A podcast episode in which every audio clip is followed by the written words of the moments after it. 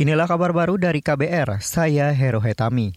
Saudara Pusat Vulkanologi dan Mitigasi Bencana Geologi PVMBG, Kementerian Energi Sumber Daya Mineral memastikan saat ini Gunung Marapi di Sumatera Barat masih berada pada status level 2 atau waspada. Gunung Merapi kemarin erupsi dengan ketinggian abu vulkanik sekitar 3.000 meter di atas permukaan gunung. Kepala PVMBG Hendra Gunawan mengatakan usai Gunung Marapi erupsi pada minggu sore kemarin terjadi 36 kali letusan berskala kecil.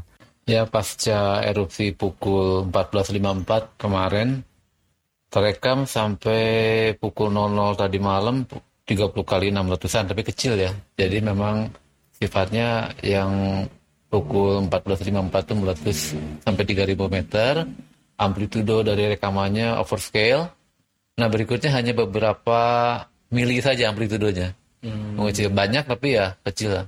Kepala PWMBG Hendra Gunawan mengatakan letusan besar Gunung Marapi kemarin tidak diawali dengan adanya peningkatan kegempaan vulkanik yang signifikan.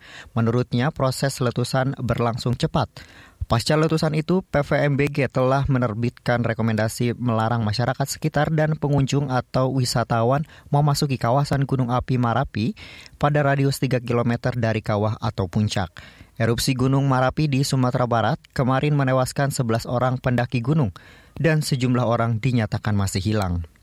Kita ke informasi selanjutnya, Saudara. PT Kereta Api Indonesia KAI menyediakan puluhan kereta tambahan guna mengantisipasi lonjakan penumpang saat Natal 2023 dan Tahun Baru 2024. PT KAI telah menetapkan masa angkutan Nataru dimulai 21 Desember 2023 sampai 7 Januari 2024. Direktur Utama PT KAI Didik Hartantio mengatakan semasa angkutan Nataru nanti, KAI bakal melayani perjalanan kereta api rata-rata sebanyak 570-an KA per hari. Kemudian penambahan perjalanan KA, kami untuk saat ini menambah sekitar 84 perjalanan KA setiap hari, sehingga ada kenaikan kira-kira 20 persen.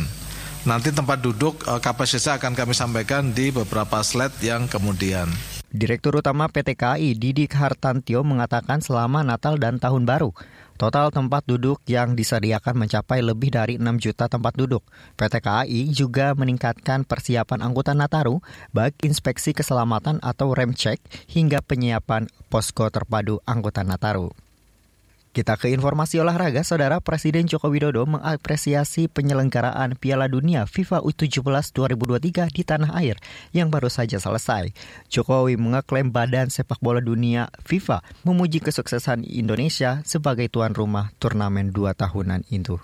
Alhamdulillah pada 2 Desember 2023 yang lalu telah selesai dilaksanakan World Cup untuk U17 telah sukses dan penyelenggaraannya sangat baik dan ini diapresiasi oleh FIFA sebagai salah satu event yang terbaik. Presiden Jokowi mengatakan Piala Dunia U17 memberikan sejumlah dampak positif bagi Indonesia di mata dunia, serta mendorong pertumbuhan ekonomi dan pariwisata bagi negara. Atas pencapaian tersebut, Jokowi menginstruksikan PSSI bersama Kementerian Pemuda dan Olahraga agar mengajukan diri menjadi tuan rumah Piala Dunia U20 pada tahun 2025. Pada Piala Dunia U17 di Indonesia tahun ini, Jerman berhasil menjadi juara untuk kali pertama, mengalahkan Prancis di partai final. Inilah kabar baru dari KBR, saya Hero Hetami.